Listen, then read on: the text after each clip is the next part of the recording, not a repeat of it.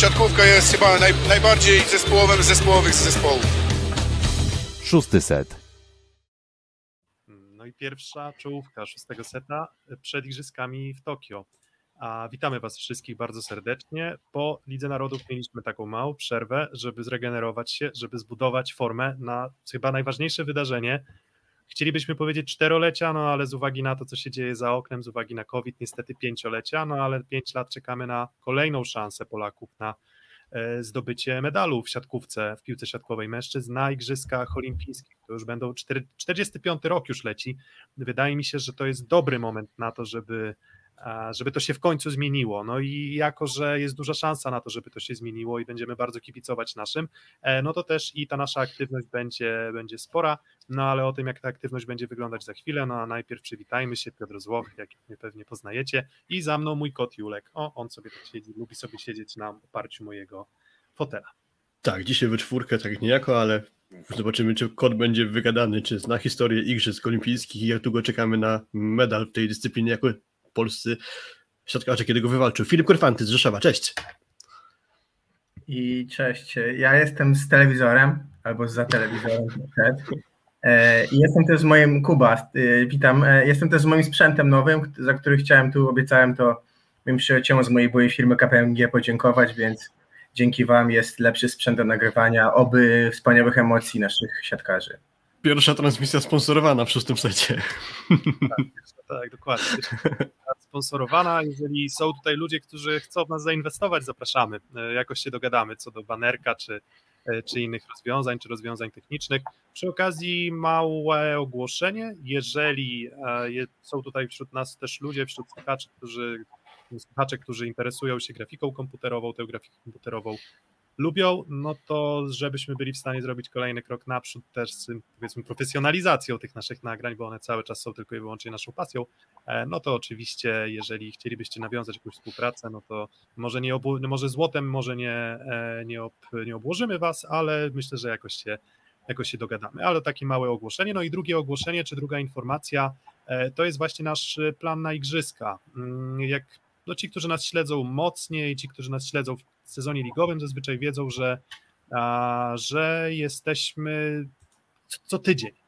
Przyjmujemy taką, takie podejście, że te wydarzenia plus ligowe, czy też z innych parkietów e, siatkówki ligowej, e, Ligi Włoskiej, Ligi Rosyjskiej omawiamy mm, zazwyczaj w takim rytmie cotygodniowym.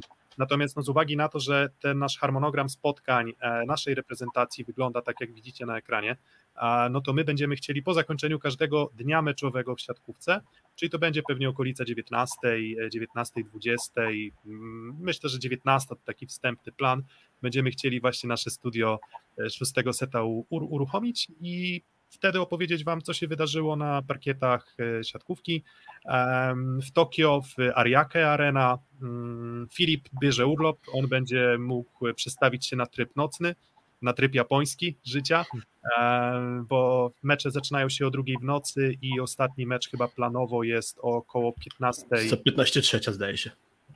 15, tak, za 15 trzecia polskiego czasu, ale z tymi nie przywiązywałbym się tak bezpośrednio do tych godzin, bo dzisiaj też Wojciech Maroszek na Twitterze w sumie słusznie zauważył, że ten terminarz jest na tyle upchany, że myślę, że jeden tiebreak w trakcie całego dnia zmagań będzie trochę rozregulowywał e, transmisję. Więc tak, więc dzisiaj zapowiedź turnieju. Mm, nie będziemy się skupiać bardzo mocno na informacji o naszej grupie, bo uważamy, że każdy z rywali zasługuje na swoją odrębną część. I ta część dzisiaj opowiemy trochę o Iranie, a potem w mm, niedzielę, bo już wtedy nie w sobotę, bo w sobotę akurat troszeczkę inne plany, ale w niedzielę opowiemy też o tym, co się wydarzyło w sobotę i zapowiemy mecz z Włochami i tak dalej, i tak dalej, więc dowiemy się, dowiecie się na przykład o tym, kim są gwiazdy reprezentacji Wenezueli, bo można przyjąć, że Wenezuela nikogo nie interesuje i być może tak faktycznie jest, ale my, nas interesuje. E, no i jesteśmy w stanie też coś powiedzieć o Wenezueli, jesteśmy w stanie opowiedzieć o tym, jaka jest różnica w na przykład lidze, czy w statystykach ligowych pomiędzy Japonią a Polską, więc e, to wszystko będzie obładowane bardzo mocnym e, researchem, jak zawsze z naszej strony, no i mamy nadzieję, że to się podoba, mamy nadzieję, że to się słucha. Mm, Śledźcie nas na Instagramie, być może po jakimś takim co ważniejszym wydarzeniu będziemy też się pojawiać z krótkimi live'ami na Instagramie, także też warto nas tam obserwować. Dokładnie. Um, te live'y, mm, no, biorąc pod uwagę godziny, to mogą być o takich godzinach rozsądnych i to raczej będą live'y krótkie, bo to mogą być na przykład live'y w trakcie dni roboczych, więc no, jednak e, no, trzeba się skoncentrować wtedy na, e, na pracy. E, no ale na przykład będą mecze, które zaczynają się o siódmej polskiego czasu i te mecze, które zaczynają się o siódmej polskiego czasu um, będą się kończyć koło dziewiątej, no to wtedy na początek dnia jakiś tam krótki live na Instagramie będzie, ale takie, takie pełne omówienie wszystkich wydarzeń, no i również tej grupy B, która nas bardzo interesuje z tego względu, że z jedną z tych drużyn zmierzymy się w ćwierćfinale, też oczywiście będziemy na bieżąco omawiać, a dzisiaj mm, no tak już poznaliście ten plan, no to może panowie zacznijmy od takiej krótkiej dyskusji um, na temat tego, w końcu się doczekaliśmy igrzysk. Um, z rocznym opóźnieniem. Um, do te, wydaje mi się, że skoro ruszyły już rozgrywki piłki nożnej na igrzyskach, to ja się nie spodziewam, żeby ta maszyna już została zahamowana, bo tam już widziałem na czacie komentarz, że nie wiadomo, czy się te igrzyska odbędą. One już się odbywają. Znicz olimpijski jeszcze nie zapłonął, ale te, te igrzyska już się odbywają. No i odbywają się niestety z COVID-em e, w tle próbujemy od tego uciekać, ale jeżeli mamy informację, że na przykład siatkarze plażowi wypadają z rozgrywek, dlatego że ma pozytywny test jeden z uczestników w parze, mm, no to, no to trudno, trudno od tego uciec i bardzo jestem ciekaw, na ile to będzie psuło mm, igrzyska. No i właśnie, mm, czy uważacie, że te igrzyska powinny się tu i teraz odbywać? Bo bardzo często słyszałem opinię o tym, że powinniśmy poczekać rok. Może, tak? I czy ten rok coś by zmienił? I czy ten rok nie byłby pewną niesprawiedliwością względem tych zawodników, którzy są teraz w swojej optymalnej formie, w swoim prime. Przesunięcie o kolejny rok powoduje, że w zasadzie no, ci, którzy mieli lat 31, 32, nagle mogą mieć lat 34 i czasem ta ich forma sportowa może już niestety być nieco w opad może nieco opadać, może nieco, nieco spadać. No to jakie jest wasze spojrzenie? To dobrze, że te igrzyska się odbywają, czy macie wątpliwości, bo też bez kibiców? Kuba? Nie, wiesz co, nie mam wątpliwości żadnych. Ja y, wychodziłem na rok temu z założenia, że gdzieś sport, jakby olimpizm, ta idea rywalizacji sportowej nie w formie jakiejś rywalizacji wojsk, nie żadnego sojuszu polsko-japońskiego albo innego, e, no mieć, y, powinien zawsze zwyciężać. I ja trochę też się nie spodziewałem, powiem szczerze, przesunięcia rok temu. To miało miejsce. No i mając Euro 2021, które okazało się niewątpliwie sukcesem, Oczywiście na kontynencie europejskim, trochę inaczej rozwiniętym, z trochę mniejszą oczywiście liczbą drużyn czy sportowców uczestniczących, to nie biorą sobie teraz odwołania igrzysk. Trwa już turniej softbola y, pań, on zaczął w ogóle igrzyska, trwają spotkania już y, mężczyzn i kobiet w piłkę nożną. Wczoraj Szwedki pograły Amerykanki, dzisiaj fantastyczny mecz Brazylia-Niemcy, chociażby w tym turnieju, więc myślę, że jutro teraz nic zapłonie. Problem chyba jest trochę taki, że trafiło to na bardzo dziwny kraj na kraj, którym pewnie można się może w części wzorować, ale na kraj, który chyba sytuacjami niekontrolowanymi nie radzi sobie dobrze. I ja gdzieś tam postawiłem tezę, że bo 7 lat temu, dokonując wyboru, wybrano między Stambułem a Tokio. I pewnie wtedy nikt się nie dziwi, że wybrano Tokio, bo też e, Stambuł jest praktycznie w Europie, były igrzyska niedawno w Londynie, czas na tą drugą półkulę. Ale pewnie gdybyśmy mieli igrzyska w Stambule, to byłby wielki sukces, triumf Erdogana, mielibyśmy kibiców, i ta dyskusja i ten nastrój społeczny był zupełnie inny niż w Tokio, które nie chce igrzysk. Więc generalnie szkoda też sytuacji, w której my jesteśmy w Takasaki na treningu, przychodzą kibice, a 200 metrów dalej, sorry, kilometrów dalej mamy w Tokio, nie mamy kibiców. I też miało tych kibiców nie być dużo, miało być do 10 tysięcy, więc wydaje mi się, że te środki, jakie podejmują Japończycy są przesadzone. A to tylko moje stanowisko oczywiście. Wracając do pytania, to moim zdaniem te igrzyska powinny się odbyć nawet kosztem jakiejś tam liczby e, zakażeń wśród sportowców. No niektórzy po prostu będą mieli pecha i trudno na to poradzić, bo sytuacja jest taka, jaka jest, a nie sądzę, tak jak ty Piotrek powiedziałeś, żeby za rok była lepsza. E, dużo się mówi o tym, że Japończycy się niejako buntują przed tym, żeby ten turniej doszedł do skutku. Czytałem niedawno taki wywiad z Yukim Ishikawą, czyli przyjmującym e, kadrę Japonii, i on z kolei mówi, żeby to dobrze rozumieć, czyli Japończycy głównie nie buntują się przeciwko samemu Y, turniejowi, czyli rozgrywaniu tego turnieju, tylko bardziej buntują się przeciwko działaniom rządu, czyli jakby polityki japońskiej. To są dla mnie dwie lekko różne rzeczy, mm, aczkolwiek no, przekaz generalnie jest taki, że Japończykom się nie podoba to, że igrzyska się będą odbywać, ale... to jest około 60% chyba ludności Japonii e, w ten ale sposób. jeżeli ja dobrze widziałem, no to jest softball, tak, grany, czy jakiś baseball w Japonii, z kibicami w dużej ilości na trybunach, tak? I to chyba zdjęcie sprzed dwóch, trzech dni, no to mówimy o jakimś takim paradoksie, którego trochę nie jestem w stanie pojąć. Znowu wychodzi sytuacja trochę jak z Euro i Londynem, że jeżeli chodzi o nasze własne rozgrywki krajowe, to wszystko jest super, a jak nam zjeżdżacie z całego świata, no to tak średnio. Bańka, ta cała, całe te założenia tej bańki już, ta bańka już przecieka, tak? Czyli tam no, miały być takie, nie wiem, optymistyczne założenia, że zawodnicy będą testowani, zawodnicy i zawodniczki mm, będą testowani, a, a na przykład nie było obowiązku szczepień, prawda? W sensie to też czy to jest decyzja zaskakująca, czy nie? No, zakładam, że skoro to ma być, nie wiem, jakiś turniej jednoczący wszystkich, no to, to, to może i dobrze, że każdy mógł swoją decyzję podjąć, biorąc po prostu na klatę też ryzyko, że, że, że, że ulegnie zakażeniu, ale no też widzimy na przykład, jak te, już tak a propos, tak wchodząc na chwilę na ten temat szczepionek, widzimy, jak te szczepienia działają w Wielkiej Brytanii. To nie oznacza, że tam tych przypadków nie ma. Chodzi o to, czy te czy ta choroba jest zagrożeniem. Tak? I wygląda na to, że tam pomimo tej liczby przypadków 50 tysięcy dziennie w Wielkiej Brytanii, liczba hospitalizacji, liczba chorób nie idzie w górę. Mm, czyli wygląda na to, że to nie jest do końca tak, że te szczepienia mm, przeciwdziałają zakażeniu. I teraz może być tak, że będą sportowcy, którzy zostaną wykryci pozytywnym testem PCR, które też mają wątpliwą skuteczność czasem. No, one nie są idealnym narzędziem do, do, do, do, do oceny tego, czy ktoś jest chory, czy nie ale na przykład tych objawów zupełnie nie będzie, tak? No ale niestety, takie sytuacje będą, więc trzeba się pilnować. W siatkówce mam nadzieję, że to nie wypaczy wyników, tak?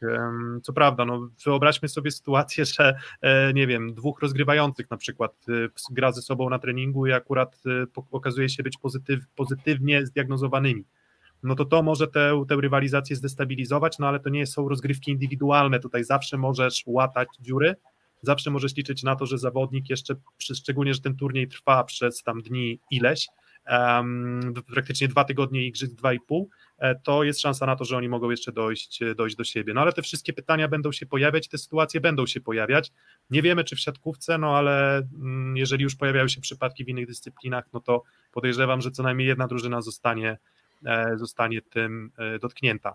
No ale moje zdanie oczywiście, bo tak jeszcze odwołując się do tego pytania naszego, które widzicie na ekranie, no to tak, one powinny się odbyć, a to, że nie ma kibiców, mm, zwróćmy też uwagę na to, że są dyscypliny, które tych, tych, tych brak kibiców w ogóle nie dotyka. One z założenia są dyscyplinami cichymi, tak?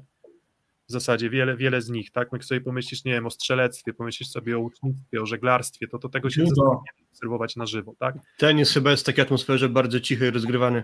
Tak, ale dokładnie, ale jest, y, ale niestety jest, y, jest siatkówka i siatkówka jest takim sportem, w którym ci kibice żywiołowi japońscy na pewno by to dali dużego smaczku, a tak to trochę wracamy mentalnie do finału Ligi Mistrzów, do całej tej pięknej epopei Zaksy i w zasadzie mm, tych kibiców nie będzie.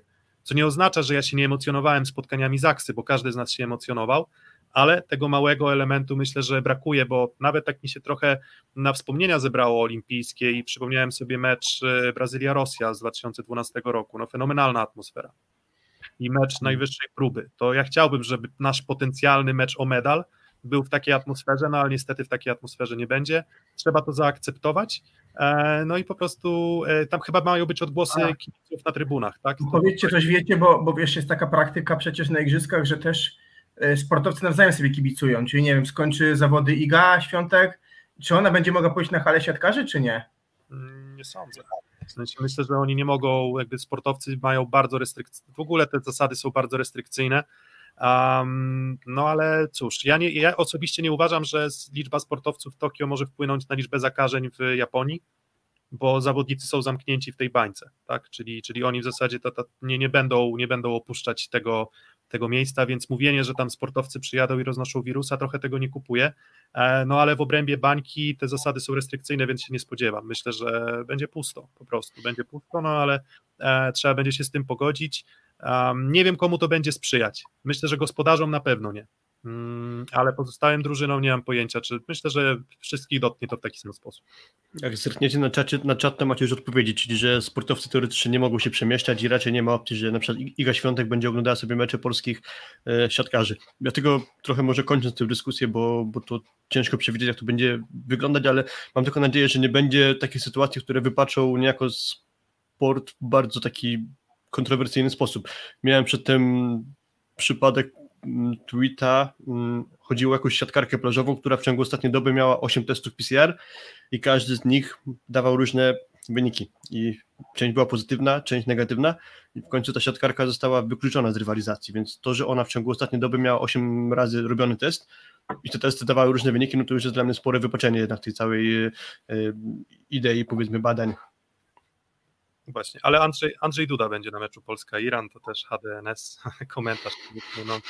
Ale serio? Bo ja wiem, że prezydent poleciał do Japonii, ale nie wiem, czy będzie na meczu, czy nie. Nie wiem, czy to jest żart, czy prawda.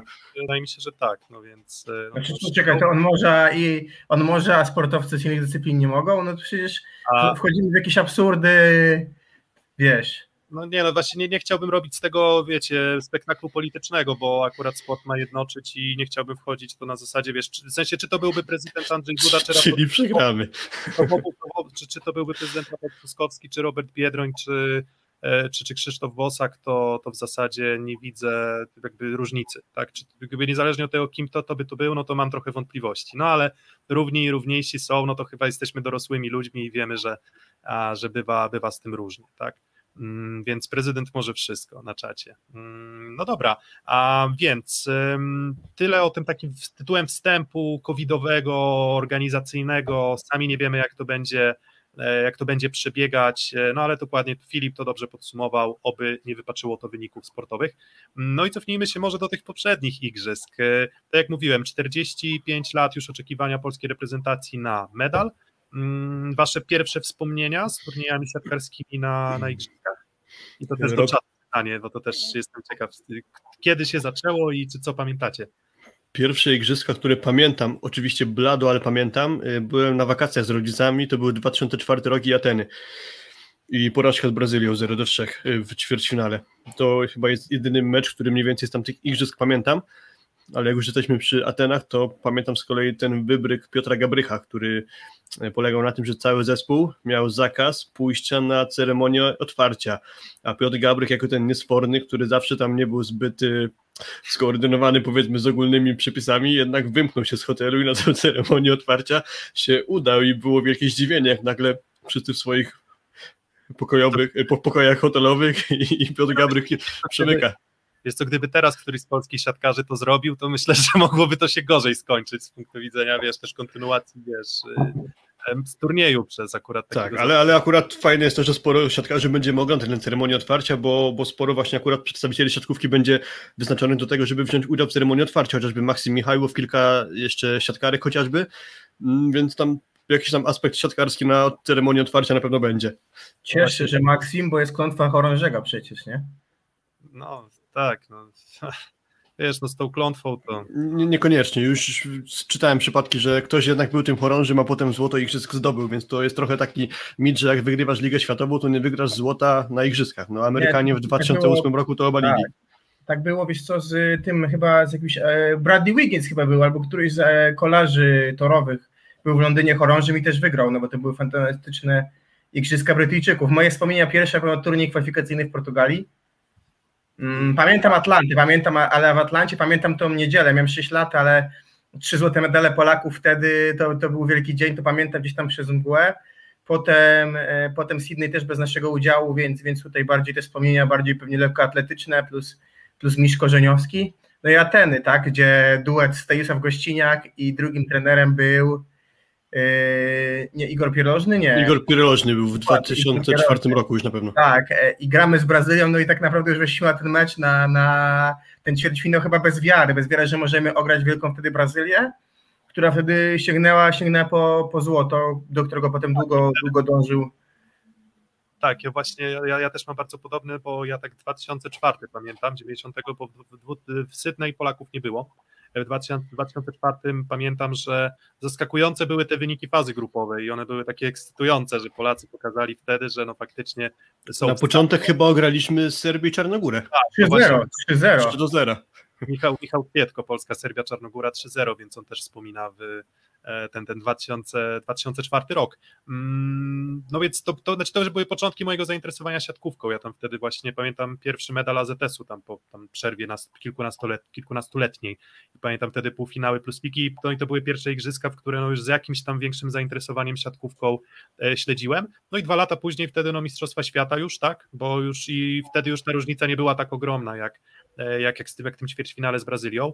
Mm, no a poza tym niestety polskie występy na tych igrzyskach to jest historia mm, frustracji.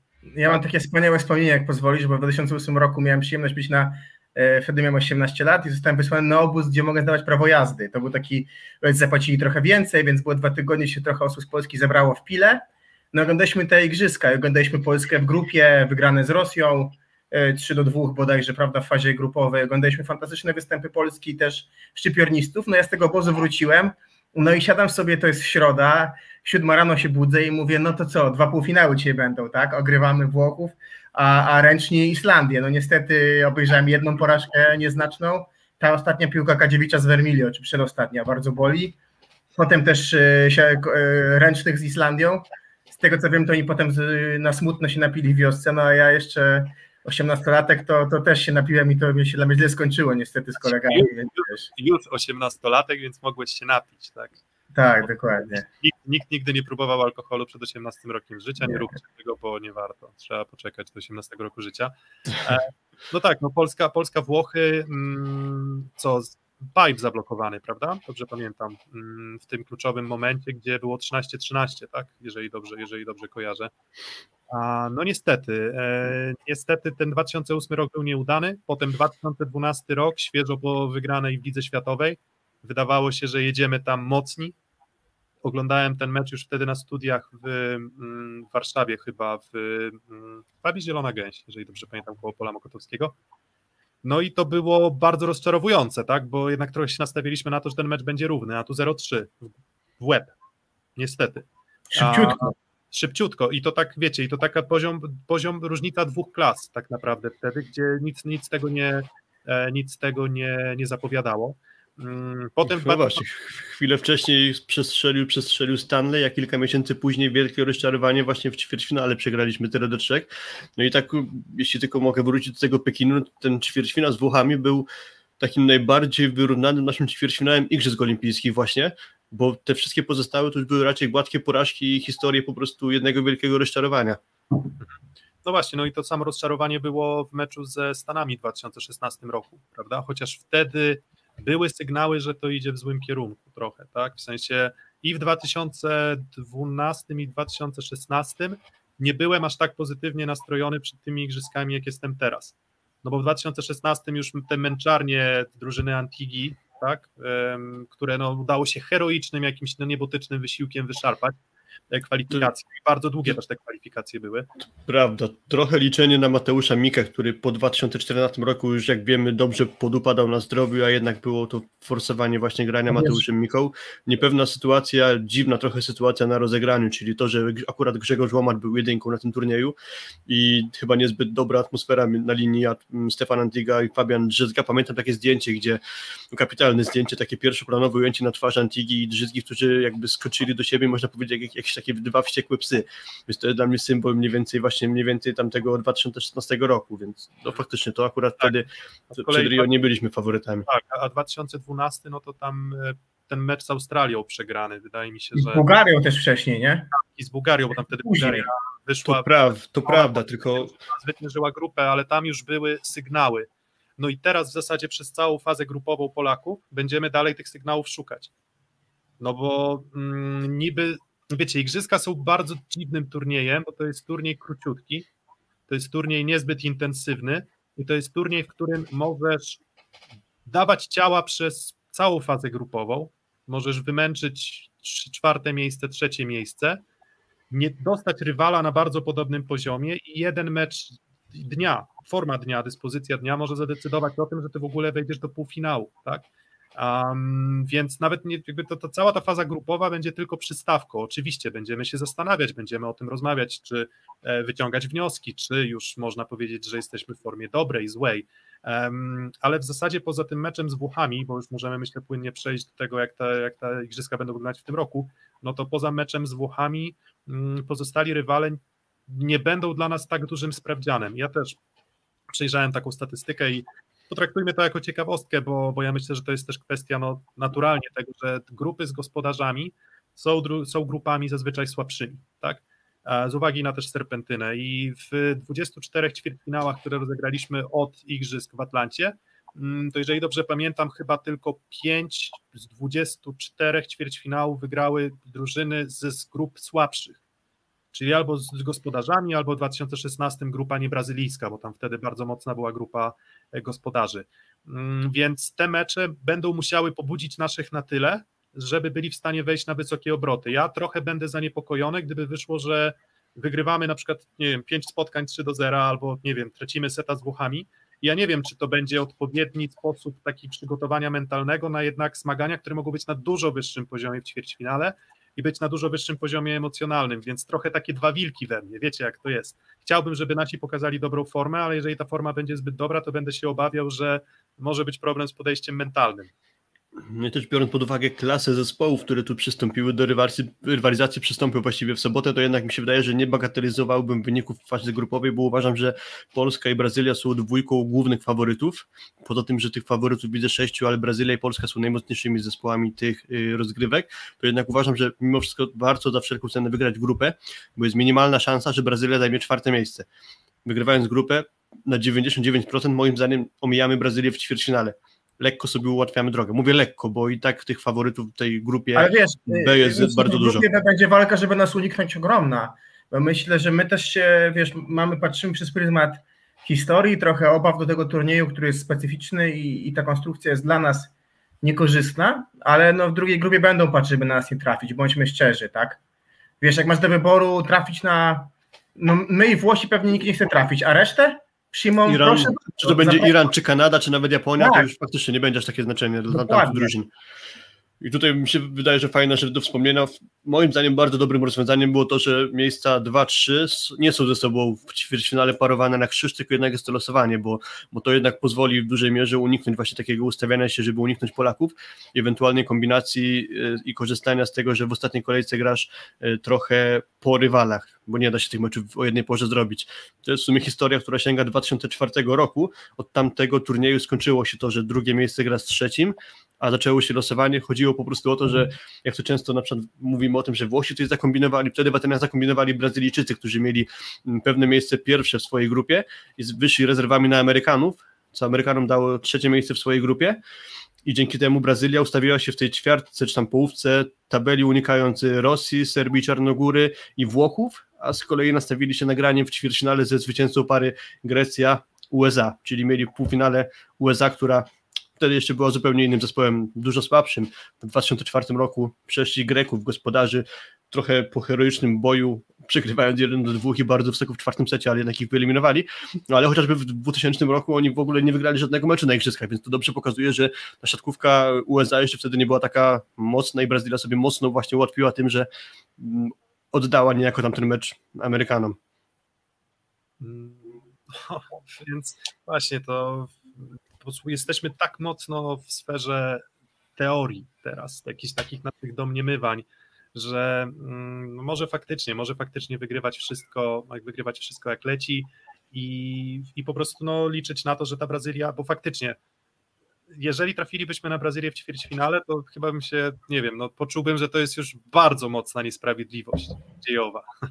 W sensie, że, mm, że nie wiem, znaczy Brazylia, znaczy, wiecie, bo Brazylia na przykład zajęła czwarte miejsce w Rio, o, a była mocnym zespołem wtedy, tak? Trafili na Argentynę, która wygrała swoją grupę, no i ograli ich w ćwierćfinale. Mm, Więc to nie jest tak, że Brazylia koniecznie musi wszystko wygrywać od deski do deski, bo oni się wyratowali na swoim turnieju, na swojej ziemi, dopiero w ostatnim chyba meczu z Francją. wygrali, przecież potem wygrali, tak? Tak, i, i, potem, i potem wygrali całe igrzyska, więc no ale cóż, no ale na pewno większa szansa jest taka, że Brazylia zajmie miejsce pierwsze, drugie lub trzecie, a nie czwarte. I to już wystarczyłoby wtedy, gdybyśmy my wygrali grupę.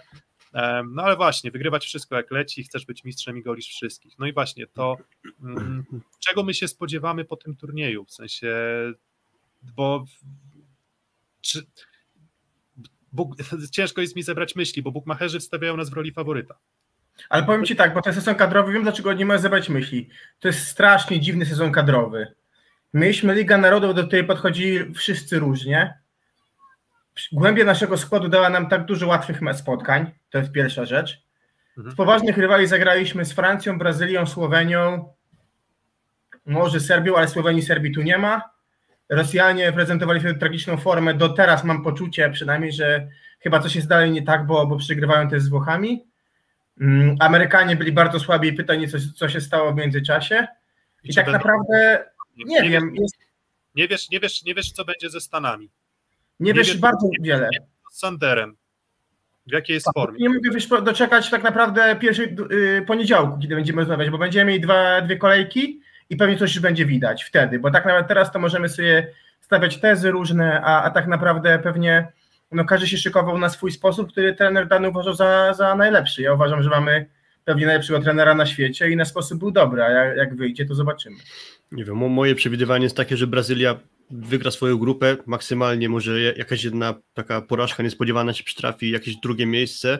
E, Trochę mi się przypomina historia z 2016 roku, właśnie Piotr, co ty mówiłeś, że oni zajęli dopiero czwarte miejsce w swojej grupie i tam rzutem na taśmę wyeliminowali Francuzów. To tam była mniej więcej taka sytuacja, że w trakcie przygotowań do tego turnieju Murillo doznał kontuzji i wtedy Bernardo Rezende, jeszcze trener Brazylijczyków, mocno stawiał na e, zdaje się Mauricio Borgesa chyba w szóstce Brazylii i on grał bardzo długo, aż w końcu jednak zdecydował się postawić, wypuścić e, z parze z Lucarellim e, Felipe Fontelesa, mm, do którego długo nie był przekonany.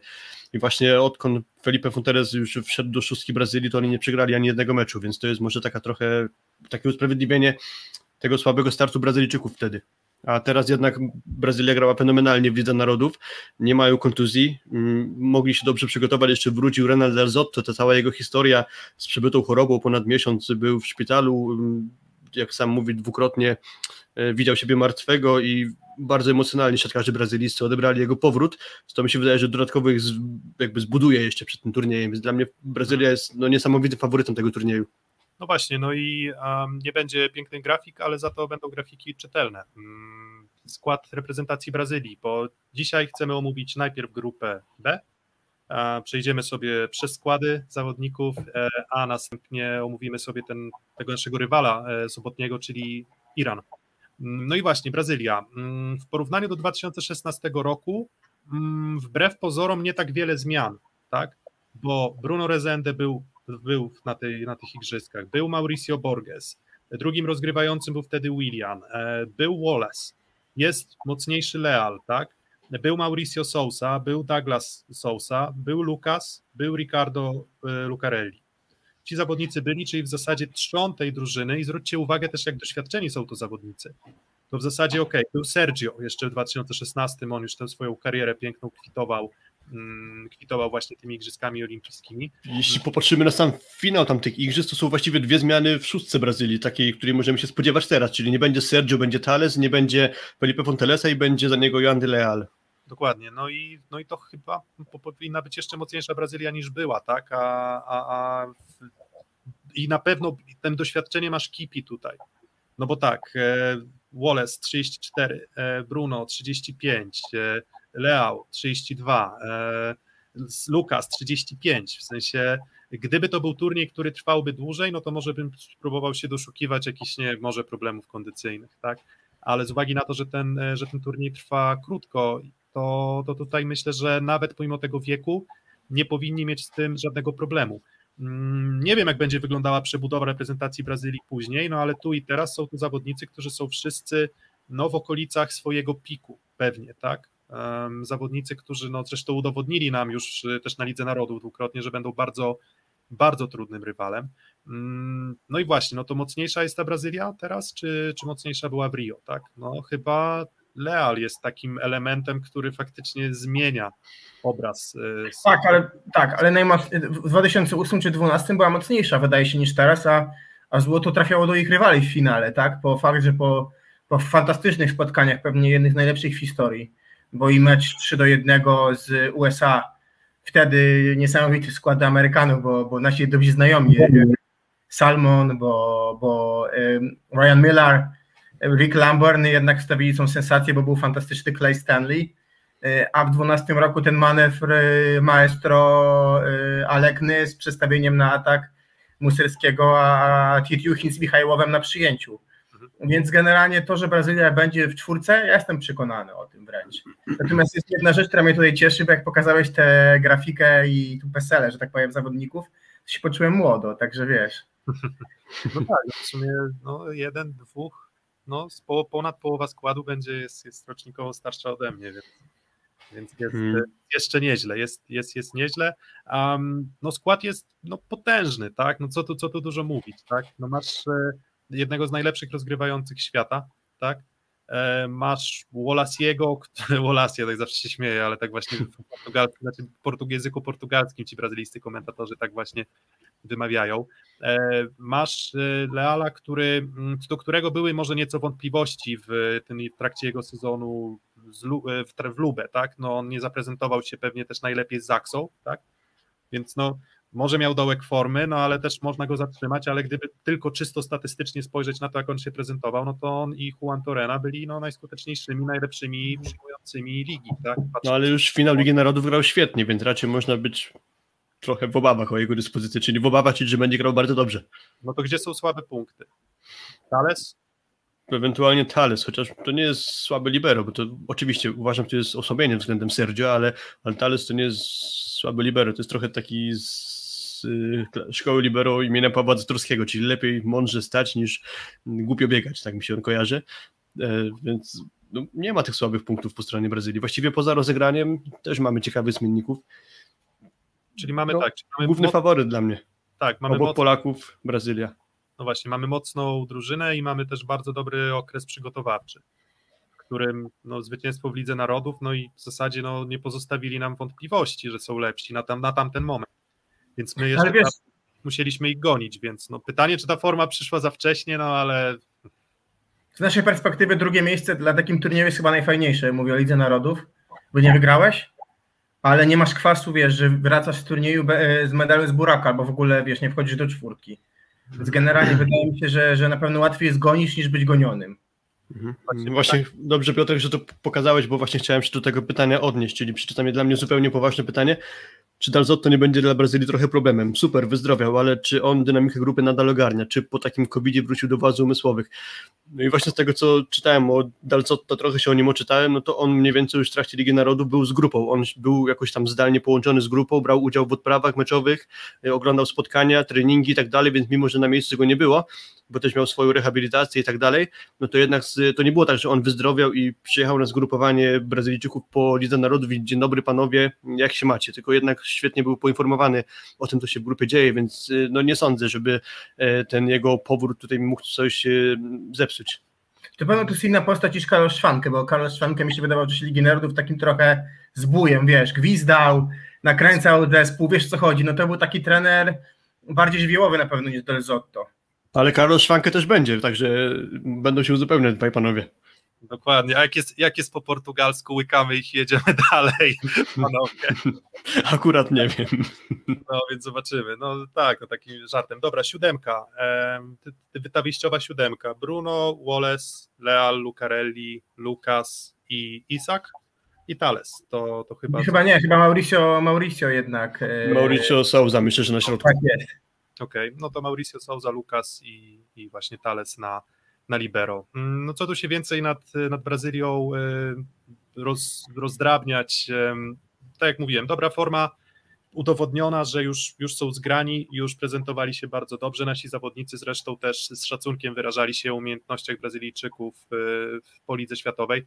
Mm, No i oni już wtedy byli na tym lepszym poziomie, ale no to zawsze, no jak wchodzisz na szczyt, i potem utrzymanie tego szczytu może być trudne, a myślę, że wszyscy rywale Brazylii będą grać lepiej niż. W sensie nie wiem, jak duże rezerwy ma Brazylia w porównaniu do tego, co grała w Lidze Narodów. Ja tylko posłużę się słowami Witala Heinena odnośnie Brazylii. Powiedział Wital w wywiadzie dla sportowych faktów dla Grzegorza Wojnarowskiego. Tak w skrócie powiem tylko, mm, powiedział o Brazylii, że utrzymali kosmiczny poziom. Mowa o finale Ligi Narodów.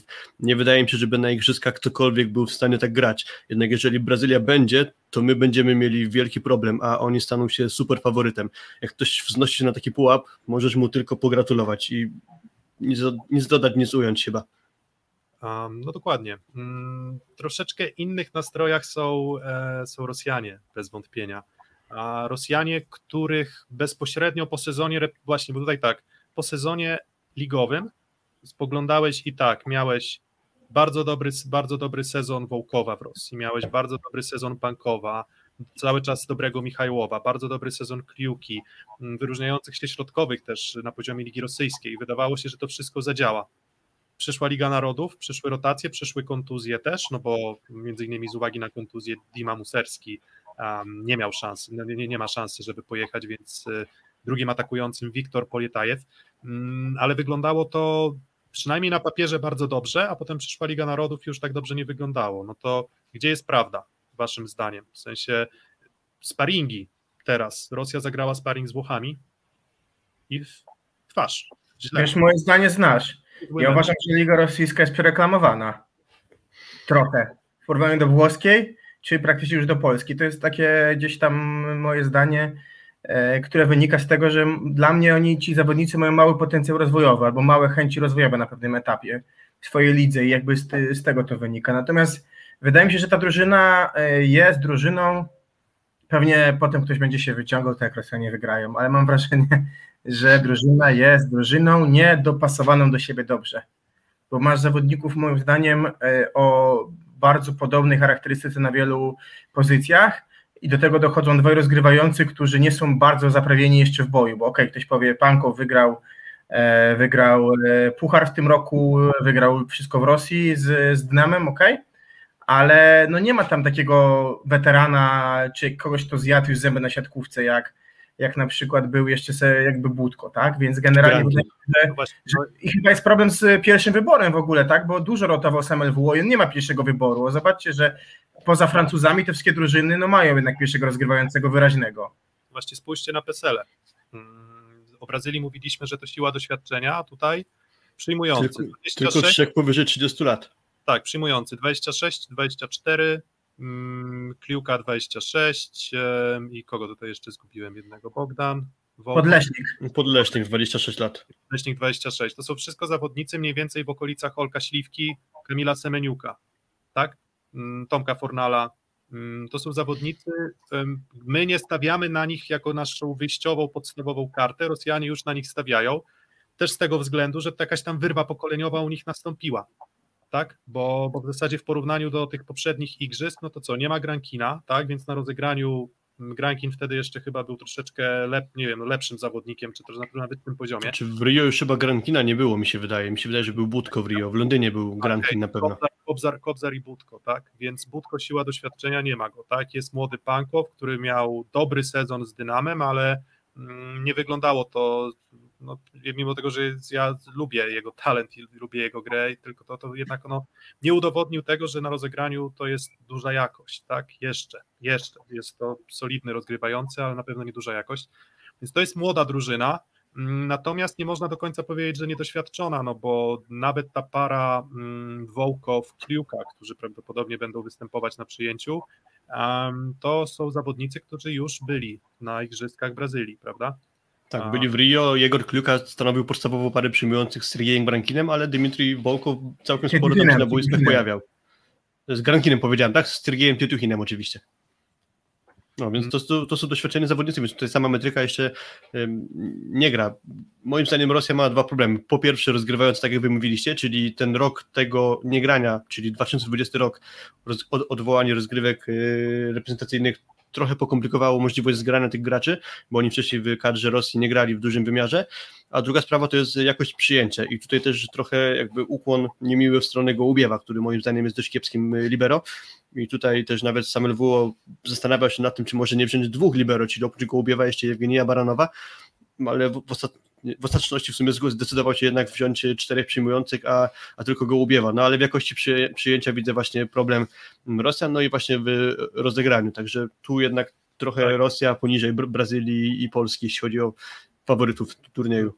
No wiesz co, tak i mm, gdybyśmy wyjęli tak naprawdę gdy ci, gdy ci zawodnicy występowali w dobrze ułożonych maszynkach w swoich zespołach, to na przykład świetnie się prezentowali na bloku, tak, no bo Kliuka super, Michajłow super, mm, Wołkow super, dwóch środkowych, którzy no też y, no, trudno mówić, że są byli jakimś tam, nie wiem, dużym problemem. Akurat tych drużyn, w, czy na przykład Zenitu Kazań, Wolwicz w mm, Lidze Mistrzów, E, Tak, i Iwan Jakowlew, znakomity środkowy, który też trochę Ligi Narodów opuścił, ale teraz już wraca. ale, ale Liga Narodów nie udowodniła mi, że Rosja jest jako drużyna, jako taki powiedzmy cały mechanizm jest przygotowana. No i pytanie, czy oni się, czy oni nagle przygotowani będą, no bo tak jak mówię, no grasz już sparring z Włochami bezpośrednio przed, przed igrzyskami. Oczywiście Włosi troszeczkę mm, zyskali pewnie w tym sparingu na tym, że mm, oni nie grali w Lidze Narodów, więc nie byli rozpisani też. Więc myślę, że to na pewno mogło mieć swój rezultat, ale no jednak porażka idzie w świat. Porażka idzie w świat. Rosjanie, e, Rosjanie ani nie dali rady w Lidze Narodów, ani nie dali rady mm, teraz bezpośrednio przed turniejem. No i zobaczymy, tak? I znowu niewiadome, tak? Bo o Brazylii mówimy, to, to jest pewniak, tak? Co do Brazylii nie mamy dużej wątpliwości co do tego, że oni wejdą na swój poziom, ale już teraz, jak będziemy wymieniać po kolei drużyny, no to z Rosją mam dużą, e, dużą wątpliwość, czy, czy oni zdążą nadgonić ten dystans, który, który mieli do, no, do drużyn, czy w trakcie Ligi Narodów, no, czy, czy teraz. No wiesz, jakby najrówniejszy tam jest Maxim. Teraz jest pytanie, do jakiego poziomu doszusują pozostali, bo mają potencjał ogromny. No właśnie, no i, i właśnie, no i tutaj Walka z czasem trochę dla Samel było, żeby ich ułożyć maksymalnie dobrze jako kolektyw. No bo indywidualności jednak mają i w większości po dobrych sezonach. Dokładnie, śmigamy dalej. E, to co, USA chyba, co? Teraz tam w takiej kolejności pójdziemy. A, dobra, grafika jest, jest, dobrze. No tak, no i reprezentacja USA, no i tutaj znaków zapytania też co niemiara. Mm, prawdopodobnie przymierzany, gdzie jest Defalco. Jest Defalco, dobrze, już myślałem, że zgubiliśmy Defalco. Jest Defalco, właśnie Defalco jest przymierzany na zawodnika do siódemki. W sensie z tego, co, z tego, co czytałem doniesienia, no to Defalco trenuje w, w, w podstawowym składzie. Um, no ale tak, Defalco i też, co, co ciekawe, Sztal chyba szykowany jest do szóstki. Dokładnie. Masz Andersona, który, dla którego ten sezon w Chinach był bardzo szarpany. Masz Sandera po kontuzji. Przede wszystkim krótki bardzo. Tak, masz młodego Defalco, znaczy młodego, no młodego, no 24-letniego, który jeszcze, Mało nie, doświadczonego. Który jeszcze nie udowodnił w lidze włoskiej, że był tam bardzo wyróżniającą się postacią, bo pewnie drugą część sezonu miał lepszą, ale, ale to nie był jakiś jego wybitny sezon. Maxwell Holt po słabym sezonie, tak? Gareth Muago Tutia, który no, pokazał w zawierciu, że ma swoje atuty, ale jednocześnie też pewnych rzeczy nie przeskoczy, tak? To nie jest e, killer, jeżeli chodzi o skuteczność w ataku. No więc masz tutaj sporo znaków zapytania i no i właśnie jak John Sparrow to ułoży, no bo Liga Narodów była słaba, to tak na standardy Amerykanów to chyba można, łatw, można otwarcie powiedzieć, że był to słaby turniej. Wiesz, 2016 rok, e, gramy z nimi.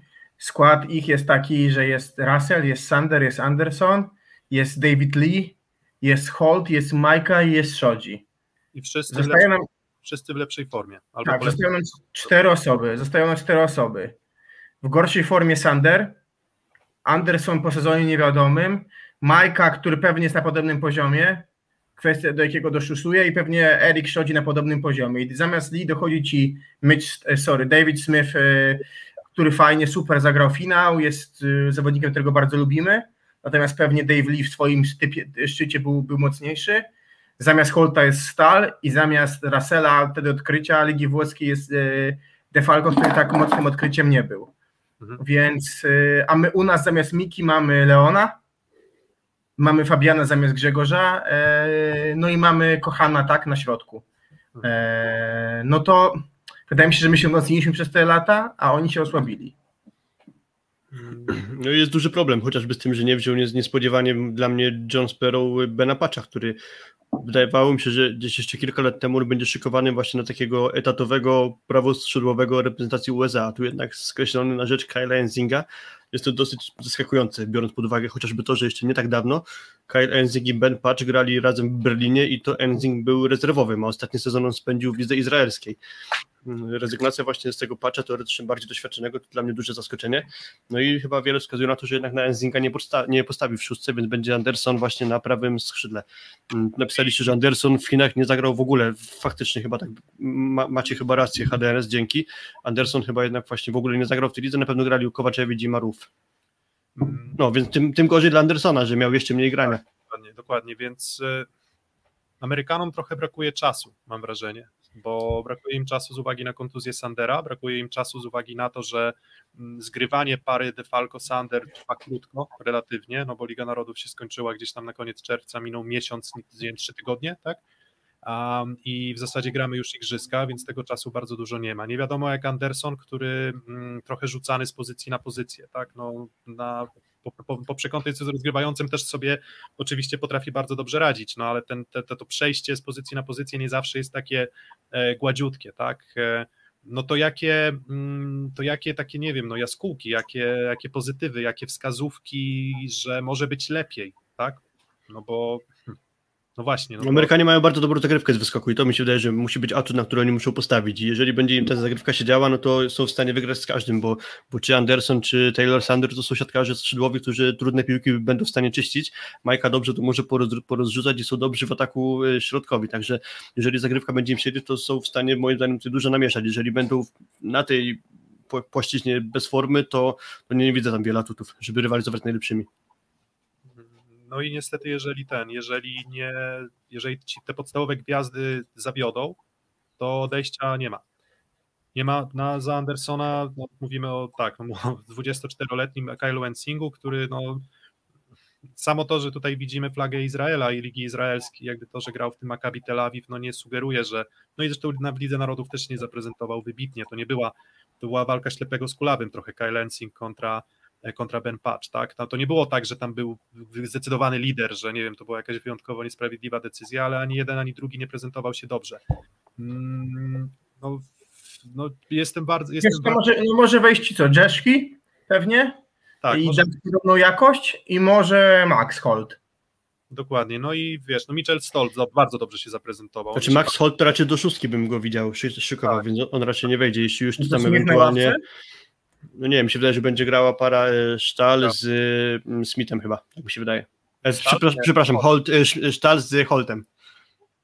Nie. A, a, a nie, to okej, okay, no to, to, to dobra, zobaczymy, zobaczymy. Zobaczymy, no ale w każdym razie Stol mi się bardzo podobał, no ale na skrzydłach, jak Anderson będzie zawodził, odejścia nie ma, na przyjęciu ani Jeszki, ani Muago Tutia nie są dla mnie zawodnikami, znaczy w sensie Defalco, co do Defalco też mam wątpliwości duże na, na poziomie igrzysk, tak, bo ja nie mam wątpliwości, że on takim indyk polu AZS Olsztyn się odnajdzie i będzie solidnym graczem ligowym, ale czy bycie solidnym graczem ligowym wystarcza, jak masz za rywali z graczy, którzy są na swoich pozycjach wybitni. A takich tak zawodników... naprawdę powiem szczerze, my byśmy trochę podchodzili inaczej do Amerykanów, Panowie, gdybyśmy nie wiedzieli, że to jest drużyna, która się szykuje na igrzyska, że gdzieś ten, ten słynny cykl olimpijski w Stanach jest bardzo znany, tak? I ich forma w 12 roku, w 8 złoto, w 16 brąz, to jest coś, co pewnie nas mocno wstrzyma przed bardziej poważnym osądem, tak? Że ta drużyna jest po prostu w tej chwili kadrowo przeciętna. No dobra, no to, no to nie wiemy. Tak? Amerykanie są niewiadomą, Rosjanie są niewiadomą. Mm, no i teraz kolejna drużyna, czyli Francja, tak? Czwarta drużyna no, do tego naszego ćwierćfinałowego e, brydża, tak? Francja, zaraz, Francja, proszę. No właśnie, no i Francuzi. Tutaj e, zmiany względem e, Rio to tak, to mamy, mm, nie ma już Pujola, mm, jest Antoine Blizzard za Pujola jest dalej Kevin Tilly, jest dalej Erwin Nkapet, jest dalej Nikola Legow, jest dalej Trevor Kleveno, jest dalej Żenia Grebennikow, mm, jest zmiana na pozycji atakujących, tak, bo ani Patriego, ani Błaje nie było na igrzyskach, no oni mieli wtedy 21-20 lat, więc pewnie za wcześnie. Mm, nie ma Tibor Sarda, który 5 lat temu się załapał na igrzyska, w tym roku no, przegrał rywalizację z... Wygryzł go mistrz Polski Jasin Luati. Tak, wygryzł, tak, przegrał rywalizację z Jasinem Luati. Daryl Bultor, e, nowa postać, Cinien jest też e, nowa postać. Mm, no i właśnie o Francuzach można mówić w kontekście ich występów w lidze, w kontekście ich formy Ligi Narodów, ale tam chyba główne pytanie jest takie, czy oni się tam nie, nie pozabijają tak, w, tej, e, w tej bańce. Dobrze się bawili chyba na Lidze Narodów, tak, bo tam chyba nawet lepiej się bawili poza boiskiem niż na boisku, mam takie, mam takie wrażenie. Mm, Spore no, rozrywki w każdym razie w social mediach dostarczali. Tak, A tak, kto jest pierwszym rozgrywającym? To Newty, ale coraz mocniej wygryzany przez Blizzarda i to dużo właśnie pokazują te ostatnie mecze Francuzów, że gra z Blizzardem, kto wie, czy w niektórych momentach nie wygląda lepiej, więc już taka pewna pozycja Benatoniego już nie jest moim zdaniem. Tak, Antoine Blizzard e, uratował w ogóle igrzyska dla Francuzów, prawda? Tak, kwalifikacje w Berlinie kwalifikacjach w Berlinie. A więc on jest sprawdzony w boju. E, tutaj to widzę jako atut Francuzów, bo dwóch mocnych, równorzędnych, rozgrywających i z różnymi stylami gry to jest coś, co uważam za, mm, za na pewno ich plus. No ale co jest minusem? No dla mnie minusem jest prawe skrzydło Francuzów. Tak? Ani nie przekonuje mnie Stefan Boyer na podstawie swojej dotychczasowej gry, ani nie przekonuje mnie Jean Patry. To są dla mnie zawodnicy, którzy no nie mają podejścia do najlepszych atakujących, e, atakujących świata, moim zdaniem, jeszcze tu i teraz. Ja nie mówię, że oni się nie zmienią, no bo żeby nikt mi nie wypominał tego, bo, bo, bo oni jeszcze są młodzi, więc oni jeszcze cały czas mogą się prezentować z coraz lepszej strony, ale ja nie uważam ich za, za ścisłą czołówkę, więc e, jeszcze jak dorzucimy do tego Kevina Tilly, który myślę, że będzie grał w siódemce, bo on grał chyba większość spotkań w Lidze Narodów, tak, no to, no to, to, to po prostu siła skrzydeł, nawet pomimo dobrego rozegrania, nie jest dla mnie, nie jest dla mnie jakaś specjalna. Ale jest ławka, jest ławka. Moim zdaniem Francuzi mają ławkę bardzo wyrównaną i to jest ich duży, może być atut, tak? Bo mamy zawodników bardzo różnym charakterystyce na, na ławce. Bo może wejść Zatiri bardziej ofensywny Klewną, może wejść talizman Yasin Luati, jest, jest, jest bardzo fajnie. Trochę na, trochę na środku brakuje zmiennika, bo Daryl Bultor to jest bardziej z braku laku, tak mi się wydaje, chociaż to nie jest środkowy, no ale to jednak wyżej no, ceni no, nie i... No, no tak, no, trochę tam pograł, ale to nie jest środkowy raczej, którego bym stawiał na równi z e, czy z Legofem. Mm, no tak, Francuzi to jest ogólnie, jeśli chodzi o igrzyska, drużyna, która totalnie w tych turniejach zawodzi. Jeszcze do tej pory żadnego sukcesu nie osiągnęli, właśnie trójkolorowi. Mówiliśmy przy tym o Rio, czyli o tym, że Francuzi odpadli w fazie grupowej. Różnica jest taka, że Francuzi do Rio chyba trochę zepsuli sobie przygotowania, bo polecieli do Brazylii dopiero 5 dni na start, na, przed startem turnieju. A teraz może trochę niejako wykorzystując znajomości Laurenta Tilly, czyli trenera japońskiego Panasonic Panthers, sobie zorganizowali zgrupowanie w Japonii już trzy tygodnie wcześniej, więc na pewno będą dobrze zaaklimatyzowani i może to pozwoli im uniknąć takiej kompromitacji, jaka była właśnie w Rio de Janeiro. Ale wiesz, to nie jest trochę też tak, panowie, że dla nich docelowym jest turniejem ich domowy, pary za trzy lata, no bo zobaczcie na ich na wiek. Tu się czuję stary, jak patrzę na ten skład, no bo tak naprawdę najstarszy jest Ben. Ja myślę, że wszyscy ci gracze będą mogli wystąpić w Paryżu jeszcze. Tak, i tak. myślę, że będą, wszyscy będą raczej lepsi, albo większy z nich. Ale na pewno zmieni się trener. Laurent Tilly jakby już rok temu miał zakończyć pracę z, z trójkolorowymi, ale jednak pozwolono mu w klubie jeszcze rok przedłużyć tę kadencję, bo chciał poprowadzić Francuzów właśnie w Tokio, a już w Mistrzostwach Europy będzie no, byle kto, Bernardo, Bernardo Rezende, nie byle kto twórca sukcesu w Wielkiej Brazylii. Mhm. No ale, ale Francuzi, no to też mniej więcej Dobra, plusy, można powiedzieć, że no, plusy, plusy, minusy. Hmm. No teraz powiesz coś o tej technice użytkowej i grze w obronie. Nie, ja nie lubię takich rzeczy powtarzać. Chociaż jest to na pewno prawda. No, chociaż wiecie, mówimy zawsze o tym, że Francuzi są super wyszkoleni technicznie i myślisz Francja, mówisz, że super wyszkoleni technicznie, po czym wchodzi na boisko Morris i Libe i się zastanawiasz, gdzie jest ta jego technika. No ale my jesteśmy na poziomie wyszkolenia bardzo podobni już do nich. Doszliśmy do tego poziomu wyszkolenia technicznego. E, dla mnie tak, e, ich atakujący to są trochę poziom drugich atakujących, czyli to jest poziom Kaczmarka, to jest poziom, wydaje mi się, Poletajewa, jednak bardziej niż tych pierwszych. E, I to jest tutaj, tak jak powiedziałem, zgadzam się, prawe skrzydło widzę trochę problem. Środkowi też nie dojeżdżają do poziomu najlepszych zespołów, bo, bo i, i z szacunkiem do Legofa fakt, że on gra w Montpellier nie jest przypadkowy. Oczywiście on był w Berlinie, on jest bardzo solidny, ale no, myślę, że Piotr Nowakowski jest jednak lepszym środkowym, chociażby czy, czy, czy oczywiście Lukas i tak dalej. Y, a tu mega równa ławka. Ja widzę tutaj bardzo równy skład i nie masz takiej przepaści, wiesz, jak, jak Anderson Ensing. Mhm. Jest bardzo równy skład dla mnie. Jak, jak... Jest bardzo równy skład, ale jakby siła tego składu suma summarum jest trochę niżej chyba jednak niż, nie wiem, mówię o pierwszej szóstce właśnie, niż te naj, najbardziej ci najwięksi faworyci, no bo też widzę problem właśnie z prawym skrzydłem i z siłą ognia generalnie właśnie ze skrzydeł, czyli w ataku i w obok. A trochę nie kupuję tego, że z nim przegraliśmy 3 do 2 w meczu, gdzie od razu Vital mówi, że chce mieć tiebreak. To trochę nie kupuję tego. Mówisz że Lidze Narodów, tak? No to nie, tak. to bym w ogóle tego meczu nie brał pod uwagę. Wtedy co musieliśmy ich ograć, czyli na, chociażby na turnieju kwalifikacyjnym w Gdańsku, Dokładnie. to wygraliśmy z nimi dosyć gładko. Dokładnie na Mistrzostwach Europy o brązowy medal też gładko. Tak jest. Też, dokładnie. Jest. E, Mi się ja... wydaje, że to byłby. O, jeszcze mam ciekawostkę, bo przy okazji tam pisania jednego z artykułów o tym takim irackim trenerze, to miałem okazję parę zdań wymienić z Witalem Heinerem, to Wital mi powiedział coś, czego w sumie nie wiedziałem, że nie sprawdzałem tego, ale wierzę Witalowi, że Erwin Ngapet jako przeciwnik Witala Heinena nigdy nie wygrał meczu. Więc e, jakby to jest może taki dobry znak przed ewentualnym naszym spotkaniem z Francuzami. No i właśnie. Um, więc e, ja, ja jakbym miał się zastanawiać, to tak, to Francuzi imponują tą techniką użytkową, um, tyle tylko, że wydaje mi się, że siatkówka trochę poszła w innym kierunku, czyli um, poza leonami tego świata, to na przykład co pokazuje Śliwka, Semeniuk, to my to jest trochę takie nasze granie, um, to jest umiejętność doboru arsenału ataku do, do sytuacji. I w przypadku Francuzów mam takie poczucie, że oni po prostu ten, ten, ten rozmiar tej ich armaty, ten ich kaliber na skrzydłach jest mniejszy. Czyli my mamy troszeczkę więcej mocy, biorąc pod uwagę kurkę, biorąc pod uwagę Leona. Mm, co do Kubiaka mam cały czas wątpliwości, no ale może on będzie takim, nie wiem, no, co najmniej dwa skrzydła, myślę, że będziemy mogli mówić, że, że powinny być silniejsze ofensywnie, tak?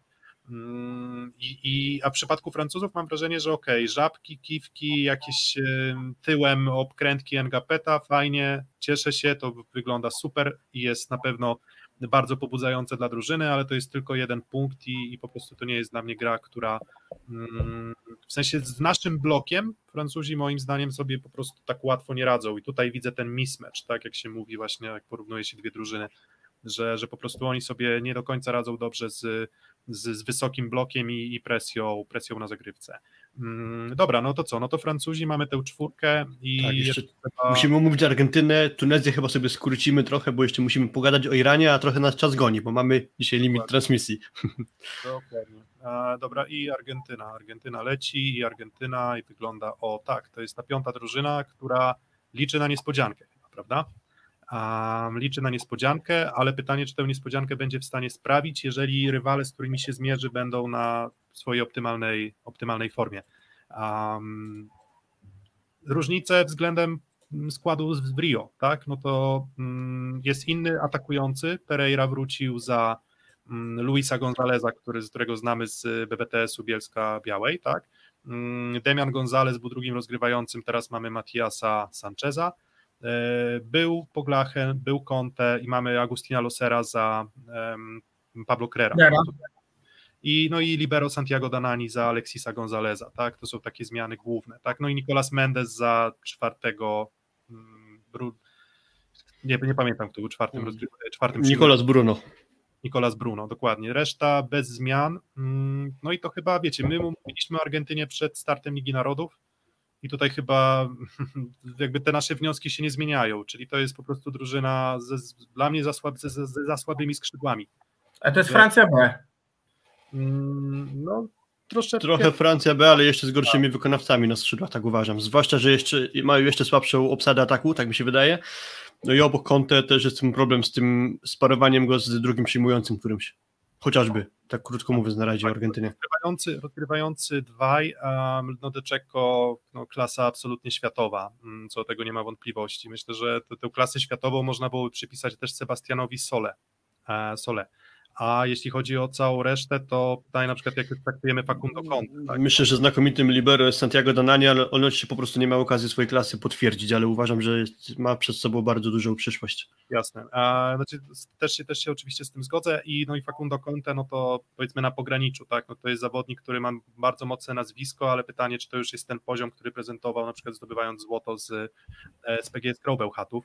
Poza tym, no trochę wieje przeciętnością, tak? No, mówimy Francja, Francja, Francja, pięć zawodników z Francji. Agustin Loser to jest bardzo ciekawa postać. E, no bo tak, środkowy 193 cm tutaj na grafice, ile on tam finalnie ma, to trudno powiedzieć, czy to 192, 4 czy 5, ale to nie jest bardzo wysoki środkowy, no ale taki, taki Kuba Kochanowski, pokrętło, co w, w nadgarsku. Tak, bardzo, bardzo podobna charakterystyka zawodnika. To nie jest najniższa w ogóle drużyna e, poza Japonią? Mm, właśnie przed Ligą Narodów to sprawdzałem i wtedy jak były te szersze kadry na Ligę Narodów, to Argentyna była drugą pod względem najmniejszej liczby graczy powyżej 200 cm, właśnie po Japonii.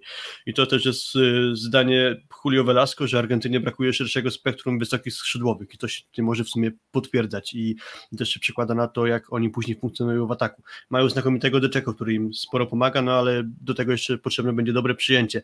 Generalnie w ataku mi się wydaje, że jest drużyna, która y, do, do tych najwyższych, y, najlepszych rywali to trochę jej brakuje. Jeżeli chodzi o wzrost, no to też nie są skoczkowie, prawda? W sensie kątem mm. można powiedzieć, że on mm, no to jest 190 metrów, ale windę miał, ale jeżeli ja pamiętam Palacioza za ZS Olsztyn, to, no to to nigdy nie oceniałem go jako zawodnika o, nie wiem... Taki misiu trochę mi się kojarzy, ale z, z jakim tak, on taki krępy, tak, on taki krępy nabity, taki właśnie w stylu ma Maradony, tak? No fakt, że wyższy 30 centymetrów, ale właśnie taki raczej z gatunku tych krępych był. Mm. Do, dobre przyjęcie, to jest podstawa Argentyny, bo ma już świetnych w ataku środkowych, którzy potrafią tam kręcić te piłki w różne strony. To co, to Pogla, Pogla Henem będą atakować? No, no Mhm. nie. W ostatnim sparingu widziałem, że Palaciec był w składzie podstawowym obok Conte właśnie, ale czy to będzie faktyczna taka galowa y, kadra Argentyny, to trudno powiedzieć. W Rio Argentyńczycy niespodziewanie wygrali y, grupę, a, a teraz mi się wydaje, że mogą sprawić niespodziankę. Jeśli ktoś ma sprawić niespodziankę w tej grupie, to właśnie Argentyna, a na pewno nie Tunezja. No tak, co do tego, co do tego nie ma wątpliwości, ale no, jest według Was przestrzeń do niespodzianki? Ja myślę, że tak. Ja myślę, że tak. Sporo mamy tych niepewności we Francji, USA i Rosji.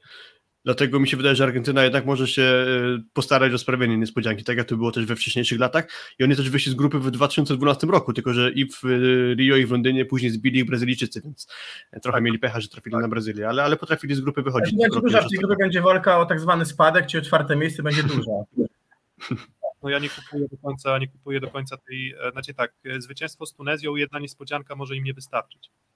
Bo ja myślę, że tam będą się mocno dzielić punktami pozostałe drużyny w grupie. W sensie nie, nie, nie... Istotna sprawa też jest taka, że liczą się liczba, liczba wygranych najpierw, więc tu też będzie bardzo ważne, żeby wygrywać mecze.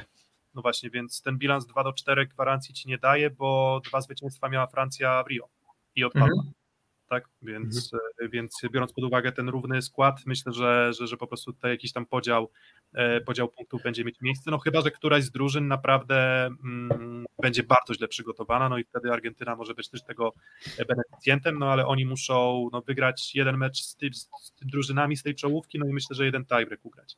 Mm, co najmniej, tak, żeby się liczyć no i ograć pewnie, pewnie Tunezję.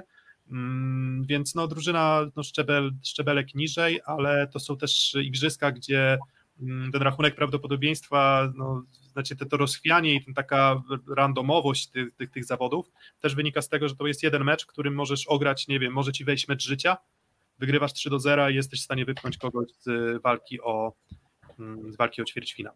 Znaczy z walki w ćwierćfinale, o tak. A, no i dobra, no i jeszcze mamy Tunezję. Tunezja uno momento, już, e, już zapodajemy. Jest Wisam? A, no tak, jest, jest, jest Wisam. Mm, Tunezja, proszę bardzo, jest, jest. Tak, więc e, tak, jest nie Wisam, a w zasadzie Wasim Bentara. A, no i, i, i, poza, tak, no i właśnie poza Wasimem Bentarą. Wisam Terbana. Wasim Bentara, znany bardzo dobrze z Polski. Ze Stalinesa chyba największa gwiazda obecnie tej reprezentacji, można tak powiedzieć. No tak, myślę, że gdyby tutaj były tam jeszcze właśnie inne nazwiska, które kojarzycie, no jeszcze Hamza Nagę jakoś tak. Hamza Naga, który grał w kwalifikacjach, zdaje się, właśnie z nami w Gdańsku, bo Wasim Bentara wtedy był kontuzjowany.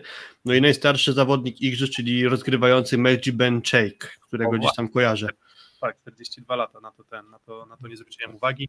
Jeżeli chodzi o pozostałych zawodników, to mm, niestety nie udało nam się dotrzeć do ich statystyk sezonowych w lidze tunezyjskiej, wybaczcie. Mm, chyba sześciu lub siedmiu graczy Esportiva del Tunis, taki zespół, więc tak. oni akurat mogą być ze sobą bardzo zgrani. Tam Lubo Trawica pracuje w tej lidze od chyba dwóch sezonów i tam duże sukcesy osiąga, no ale, ale jednak nie sądzę, żeby wpływ do tak doświadczonego Lubo Trawicy mógł aż tak wynieść Tunezyjczyków, żeby tu sprawić jakąkolwiek niespodziankę. Dobra, z pytaniem o to, czy Wenezuelę, czy Tunezję stawiacie wyżej, to, to, to poczekamy na Wenezuelę. Jak będzie no, ja myślę, że Tunezja jest trochę wyżej niż Wenezuela, ale to chyba bez znaczenia, bo i tak się o tym nie przekonamy, bo przeciwko sobie na pewno nie zagrają w Rio, w, w Tokio. Dobra, no to co, no to tyle Tunezja. Jeżeli ktoś ma jakieś ciekawe informacje, to na czacie walcie śmiało, bo też się z chęcią dowiemy. Ja wiem, Moglibyśmy ich oglądać na memoriale Wagnera, niestety COVID sprawił, że do Polski nie przylecieli i mieliśmy E, nie wiem jak to nazwać, e, szansę obejrzenia Azerbejdżanu. Aha. Tak, no to, to myślę, że szczebelek wyżej nad Azerbejdżanem są na pewno. Ale, Dobra, ale... myślę, że czas nas to... goni, więc proponuję zapodać teraz skład Iranu. A nie, najpierw nie? zanim Jeszcze nie? mamy Iran, to typy, typy na grupę B. E, no to wy też możecie na czacie ułożyć, bo jestem ciekaw, jak to, e, jak to widzicie. A, dobra, no to pierwsze cztery drużyny, no bo tam dwie pozostałe, czy to piąta, szósta, nie masz takiego znaczenia, w jakiej kolejności. A, Brazil na pierwszym miejscu. Um, to Piotr powie swoje typy po kolei i później my po kolei. Dobra, Brazylia, Brazylia, Rosja, Francja, USA. Ej, nie odgapiaj. Aha, nie, nie ma. Nie, no dobra, możesz ten, możesz się... Nie, nie, na, tak naprawdę taki miałem plan właśnie, że Brazylia, Rosja, Francja, USA. Z, małym, Brazylia- z małą gwiazdką, że może Argentyna jakąś niespodziankę sprawi. Brazylia, Francja, Argentyna, Rosja. USA nie wychodzi. Argentyna. No nie wiem, wiesz, musiałem, no co, Nie, nie, no tak, bo ty lubisz zamiecać w tym kotle naszym, tak? ale ja muszę jako ostatni mam najciężej, wiesz o co chodzi, no co powiedzą, dogadali się przed, wiesz, i cześć, nie? Tak, tak było, tak Wiesz. było. Tak, Don Camil, Brazylia, Francja, Rosja, USA, mimis, mimis, nie zgapiajcie od nas, co to ma znaczyć? Ale widzicie, pojawia się to, że Brazylia jest faworytem do wygrania tej grupy, bo na razie nie zobaczyłem typu jeszcze, który by mówił inaczej. Tak, Francja, Francja na drugim miejscu, dlatego że znaczy, ja powiedziałem Rosja, prawda? Rosja, Francja, Powiedziałeś USA. Rosja, tak. Tak, dla mnie Rosja, bo, bo po prostu uważam, że są tam większe rezerwy i, i, i że mm, oni też mają tak, że myślę, że ich styl gry mm, taki agresywny z wysokim blokiem może sprawić trudność Francji. No i liczę, że się pozbierają do kupy, tak? I bardziej liczę na to, że oni się pozbierają do kupy, niż że Stany się pozbierają do kupy. Myślę, że Stany mogą wyjść i te typy, w których Stany wypadają z ćwierćfinału, mm, nie są dla mnie taką abstrakcją zupełną. W sensie, jakby miał wskazać na drużynę tu i teraz najsłabszą, e, na podstawie tego, co widziałem, to to, to właśnie, właśnie chyba USA.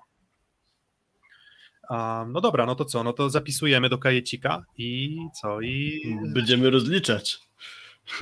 Michał Kwietko, Brazylia M. Kwietko. Znaczy skąd wiem, że Michał? No bo wiem. Brazylia z drugiego zawsze też muszą przegrać w grupie. No to tak, lubią, lubią, lubią przegrać w grupie, ale, mm, ale tam wszyscy się mogą dzielić, więc e, cztery zwycięstwa, jedna porażka myślę, że mogą im, e, mogą im wystarczyć. No ale tak czy inaczej wskazujemy, że no ominięcie, zajęcie mm, no nie czwartego miejsca w naszej grupie, o to będzie nam bardzo trudno chyba, to, to powinno nam pozwolić, żeby z Brazylią nie powalczyć.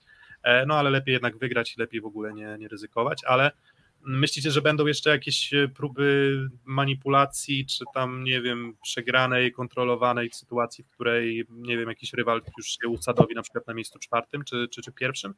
Mm, Mamy na początek Iran i Włochy, więc jeśli by nam się jakieś wpadki przytrafiły, to może być do końca niepewne, czy my wygramy grupę. Jeżeli byśmy byli pewniakami do wygrania naszej grupy, to wydaje mi się, że ktoś się może postarać, żeby zająć, e, nie zająć czwartego miejsca, czyli tam kogoś zepchnąć na czwarte miejsce. Więc tu mogą być takie trochę kombinacje. Jeżeli na przykład, nie wiem, wyjdzie niespodziewanie, że Iran może wygrać naszą grupę, to komuś może zależeć, żeby czwarte miejsce zająć. Dokładnie. A, no dobra, no to Iran, tak? Em, Tyle o tej naszej grupie B. Mm, Na pewno będziemy na bieżąco, będziemy trzymać rękę na pulsie, będziemy się zastanawiać nad tym, w którym miejscu są te drużyny i no już ten pierwszy, mm, pierwszy dzień już nam odpowie. Pamiętacie, jak, jak się sparowały te mecze w mm, pierwszej rundzie w grupie B? W pierwszej rundzie spotkań? Kto z kim gra pierwszego dnia, masz na myśli? Tak, dokładnie. E, To już mogę powiedzieć. To Zapraszam. zaczniemy Brazylia, Tunezja, potem mamy Rosja, Argentyna Okej. i potem mamy USA, Francja. Okej, USA, Francja. No to USA, Francja będzie już taką odpowiedzią pierwszą, tak? Czy, Mhm. czy USA wygląda lepiej? No Rosja, Argentyna pewnie też trochę, tak? Czy Rosjanie wyjdą na spokojnie i 3-0 łykną, czy nie? Dokładnie, dokładnie. Dobra. E, I Iran, tak? No dlaczego Iran? Zaczynamy o 12.45? 40, Sobotę. 12.40 chyba dokładnie jest ten mecz. Tak, 12.40. 12.40. Może to się odrobinę poprzesuwać, no ale Gramy przedostatni, przedostatni gramy. Tak, bo tak, ostatni, ten, ostatnie mecze w okolicach 15 tak, polskiego czasu. Sobota, więc myślę, że niezły dzień na to, żeby, mm, żeby zapoczątkować tą naszą przygodę z, z igrzyskami, no i też na, naszą przygodę przed telewizorami. Mm, Co spoglądamy na tę reprezentację, Liga Narodów posłużyła do przeprowadzenia selekcji Władimirowi Aleknie. Mm, No i co? No i co widzimy? Widzimy, że mm, jest to drużyna w przebudowie bardzo mocnej, tak? Mm, No bo tak, patrzymy, mamy tak 23-latek, 22-latek, 23-latek, 22-latek, 22-latek, no i reszta kilku doświadczonych graczy. No i, no i Badipur 27, no to też powiedzmy jeszcze, jeszcze młody. młody. Piątka graczy została z Rio. Tak, Said Iladeba Dipur, Sayed Maruf, z Musawi Gafur i Mehdi Ma- Marandi. Tak, Mehdi Marandi, e, drugi libero, więc dwóch libero wziął Władimir Alek. No ty wspominałeś o Gołubiewie i Baranowie, no to tutaj e, akurat Alek, no Jest jedyna kadra, która ma dwóch liberów w swoim składzie. tak, więc ma, mają dwóch libero, trzech przyjmujących, e, dwóch atakujących i dwóch rozgrywających, no to reszta już powiedzmy zgodnie z prawidłami, więc e, mniej przyjmujących, no czyli wygląda na to, że no, ma dużo wiary w Milada Ebadipura, tak? Prawdopodobnie- Musi mieć. Moim zdaniem to będzie fundamentalna postać kadry Iranu, właśnie żeby on doszedł do odpowiedniej formy, bo do tej pory tego nie było i to mi się wydaje, że jest jedna z przyczyn słabej postawy Iranu w Lidze Narodów, więc to jest dla mnie podstawowa sprawa dla Lekno, żeby właśnie doprowadzić do dyspozycji Milada Ebadipura. czy on to dźwignie?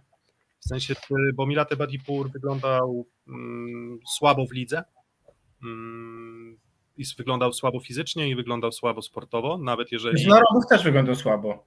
Tak, nawet jeżeli paradoksalnie wyglądało to nieźle w liczbach, to, to, to, to, to, to wizualnie tutaj od, odcinając zupełnie spojrzenie na to, to powiedzmy skuteczność osiąganą przez Ebadipura, to wyglądało to źle i w końcówce sezonu wyjątkowo. Um, no właśnie, Marów, no to wspominaliśmy też w kontekście Chin, że on akurat tam coś zagrał, tak, ale, ale, Ale ale mniej więcej dwa lata był bez meczu aż do rozpoczęcia tych mistrzostw Chin, więc to mi się wydaje, że mógł być trochę problem jego. tak, Sejed Musawi po myślę, że niezłym sezonie w Piaczence, myślę, Tak. mm, więc to, to, to, to, to też na pewno cały czas jeszcze te 33 lata, jakby PESEL-u po nim bardzo nie widać, no ale poza tym co, no atakujemy Ebadipurem, który jest bez formy mm, i nie wiadomo, czy udało się go odbudować y, i Mejsamem Salehim, który rozegra pierwszy sezon poza, e, poza Iranem. e, No i dopiero. trzeba przyznać, zrobił bardzo dobre wrażenie w Lidze Narodów. Mimo, że on jest młody, to jednak e, raz, że dużo pochwał zebrał za sezon Ligi Irańskiej, a dwa, że wydaje mi się, że na dobrym poziomie grał właśnie w Lidze Narodów. E, Także tu akurat to, To- bardzo ciekawy gracz do e, obserwowania. Y, Wielki Chyba? plus Indyk Polu Olsztyn, bo która drużyna w polskiej lidze będzie miała dwóch swoich przyjmujących w podstawowym składzie grających? Pewnie tylko oni i Skra. No, no tak, no Ebadipur Mhm. Sander myślę, że tak. No i Semeniuk, nie, Semeniuk nie będzie grał tak Kubiaka, jakby Śliwka też nie będzie grał. Więc tutaj wielki, wielki szacun dla włodarzy Olsztyna, tak, że takie perełki potrafili wyłapać. Natomiast jeżeli chodzi o to, No, jakieś plotki się pojawiają, że Mejsam Salehi tam jest kuszony przez różne zespoły, ale ja w to nie wierzę. Moim zdaniem on zostanie w Olsztynie jednak.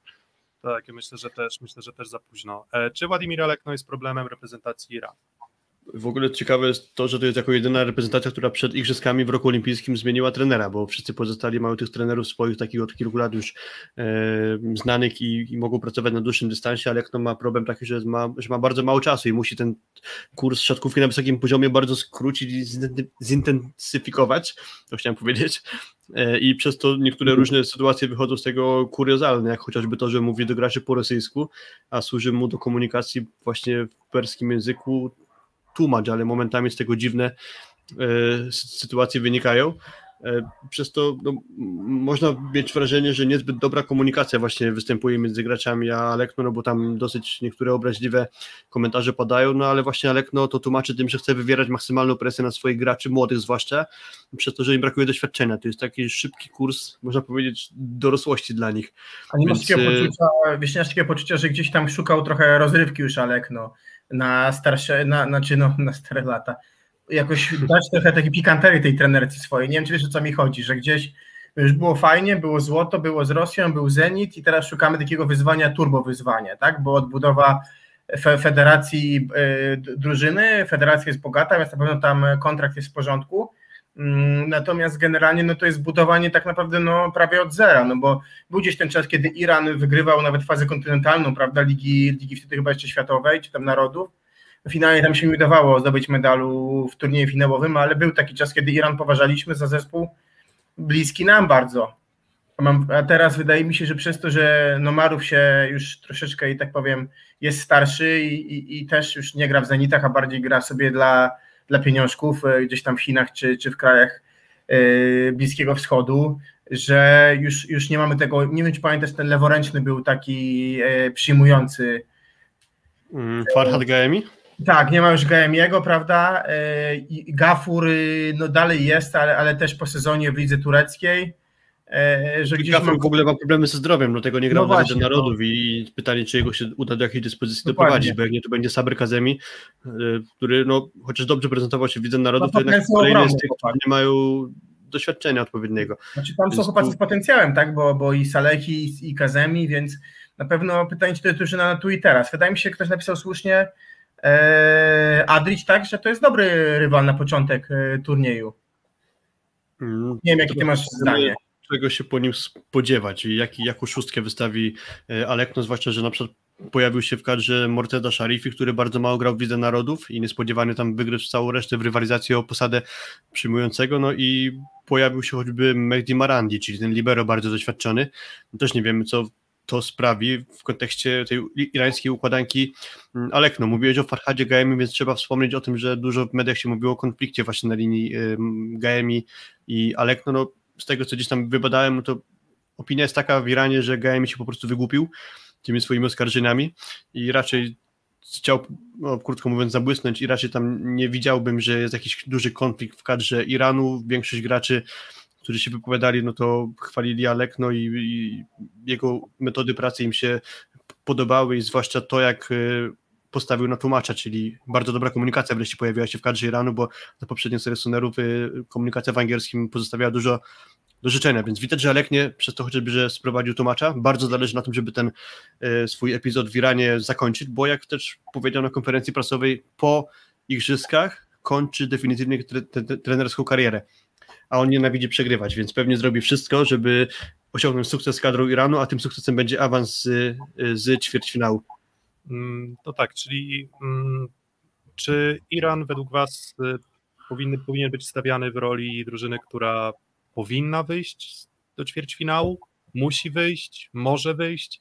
Mm, No nie mamy takiego jeszcze, no nie omawiamy jeszcze całej naszej grupy, E, no ale głównymi rywalami, no to jeżeli Polskę i Włochy postawimy wyżej, no to będziemy mieli Japonię i Kanadę. No to czy Iran według Was jest faworytem do tego, żeby zająć to miejsce trzecie lub czwarte?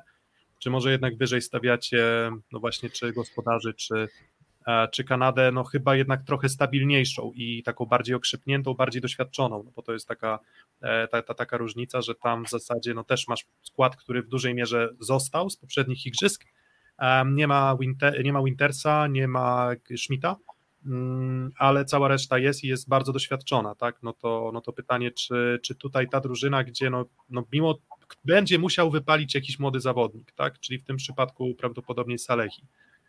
Jeżeli nie będzie Salehi, no to będzie wejdzie kolejny młody zawodnik, czyli Morteza Sharifi. Wiesz co, ja, ja, ja tak myślę, że trzecie jednak stawiam wyżej Kanadę, ciut, bo też na przykład zobacz, jak oni łapali formę przez y, Ligę Narodów y, Kanadyjczycy. Był taki czas, kiedy mieli bilans fatalny, a potem ostatnie sześć spotkań wygrali. Fakt, że mieli rywali trochę łatwiejszych, no ale, ale widać, że gdzieś tą formę łapali, więc wydaje mi się, że trochę wyżej stawiam Kanadę, a, a Iran i Japonia myślę, że powalczą o, o miejsce czwarte.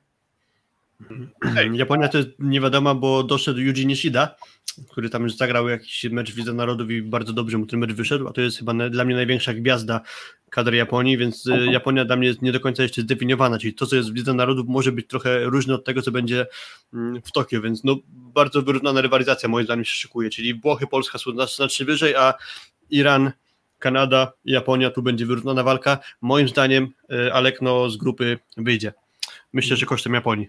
No to teraz em, siódemka, no to chyba bez dużego zaskoczenia, Ebadipur i Salehi, Maruf i Gafur, Mm, na środku Musawi, Golami i na libero rotacja, myślę, że nie jestem w stanie pokazać jednego zawodnika. No i co ta siódemka jest w stanie nam zrobić? Skrzywdzić nas? Potrafi czy nie potrafi nas skrzywdzić?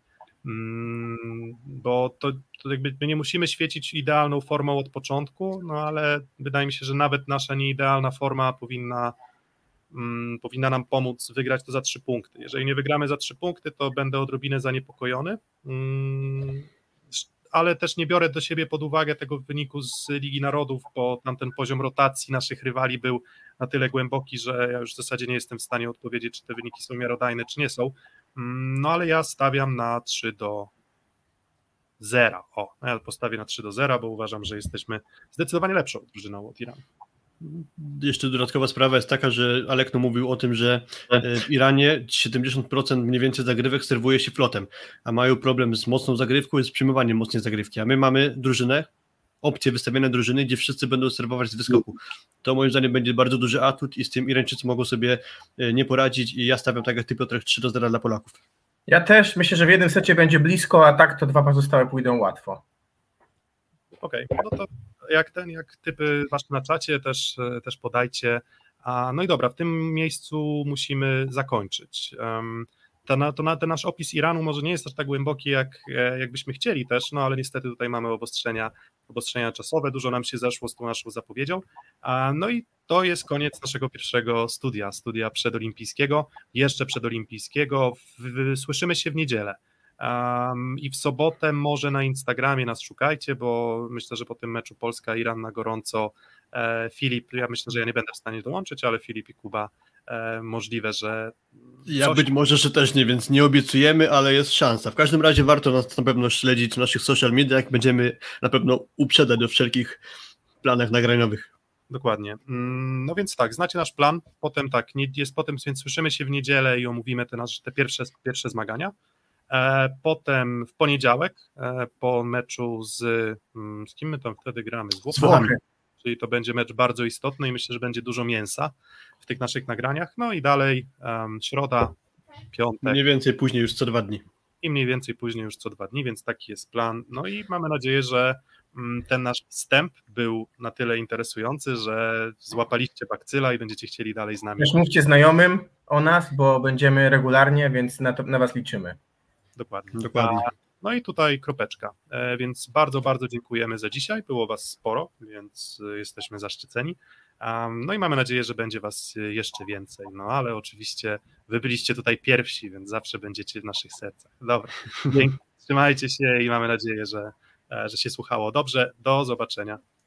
Dzięki. Do usłyszenia. Cześć. Do zobaczenia niedługo. Pa, pa.